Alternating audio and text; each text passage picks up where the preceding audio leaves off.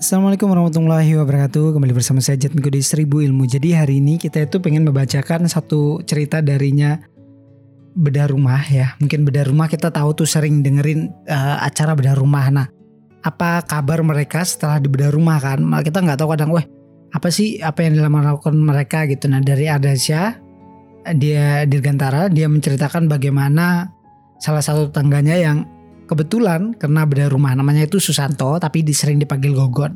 Jadi kalau kalian pengen cari di beda rumah kalian cari aja beda rumah Susanto gitu. Di itu pasti ketemu lah. Nah uh, keseharian dia dipanggil Gogon, kemudian dia juga itu kehidupannya ya kebanyakan di jalan karena dia ya supir angkot, kehidupannya di jalan, kemudian dia sering nongkrong di apa ronda-ronda gitu ya, di pos gitu karena ya main gaplek sama teman-teman dan sebagainya.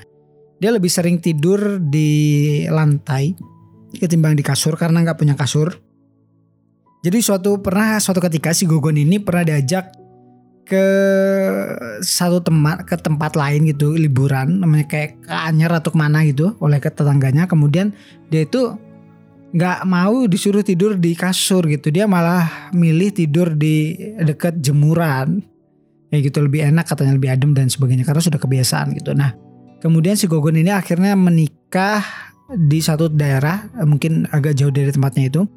Dan punya anak itu kalau nggak salah tiga satu anak tiri gitu. Karena ya dia punya dua anak dan satu anak tiri. Nah kemudian eh, di rumah itu yang di tempat istrinya saat ini itu adalah rumah bedah dari hasil bedah rumah nah kenapa bedah rumah itu cepat banget? Karena yang dipakai adalah dindingnya itu dari gipsam bukan dari semen. Sehingga pembuatan juga sangat cepat. Nah, si Gogon ini dia itu pernah waktu itu kan ada adegan di mana dia tidur di hotel. Wah itu sangat seneng banget. Dia bahkan uh, apa ya namanya kayak seneng banget lah kalau bisa kok bisa sih aku tinggal di hotel kayak gini-gini. Ya kaget banget ya ada kemudian ada adegan di mana dia itu uh, mobil angkotnya mogok. Nah itu ternyata settingan teman-teman. Karena ya memang katanya si Gogon dia cerita bahwasanya semuanya itu settingan dari dia sudah dikasih naskah kayak gini-gini supaya seperti ini dan disuruh seperti itu. Nah akhirnya karena si Gogon ini hafalannya kurang, hafalannya lemah dan sebagainya akhirnya banyak pelongo-pelongo. Nah, si Gogon waktu itu dia nyetir angkot kemudian dia mogok, akhirnya disuruh dorong, pura-pura dorong.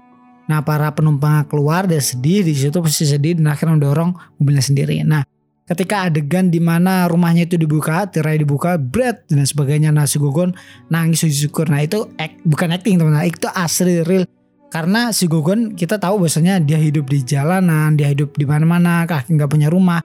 Terus rumahnya dibedah sebagus itu, dia kaget dong. Nah, tapi bagaimana kelanjutan kehidupannya setelah itu? Nah, karena bedah rumah juga itu ngasih modal, modal kayak es, jualan popes dan sebagainya. Cuman uh, bedah rumah itu pengen ketika ditinggal sama mereka, mereka bisa usaha pakai itu. Tapi ternyata usahanya nggak berjalan dengan lancar sehingga kulkas dan TV dijual kembali untuk menutupi kehidupan yaitu bayar listrik dan sebagainya.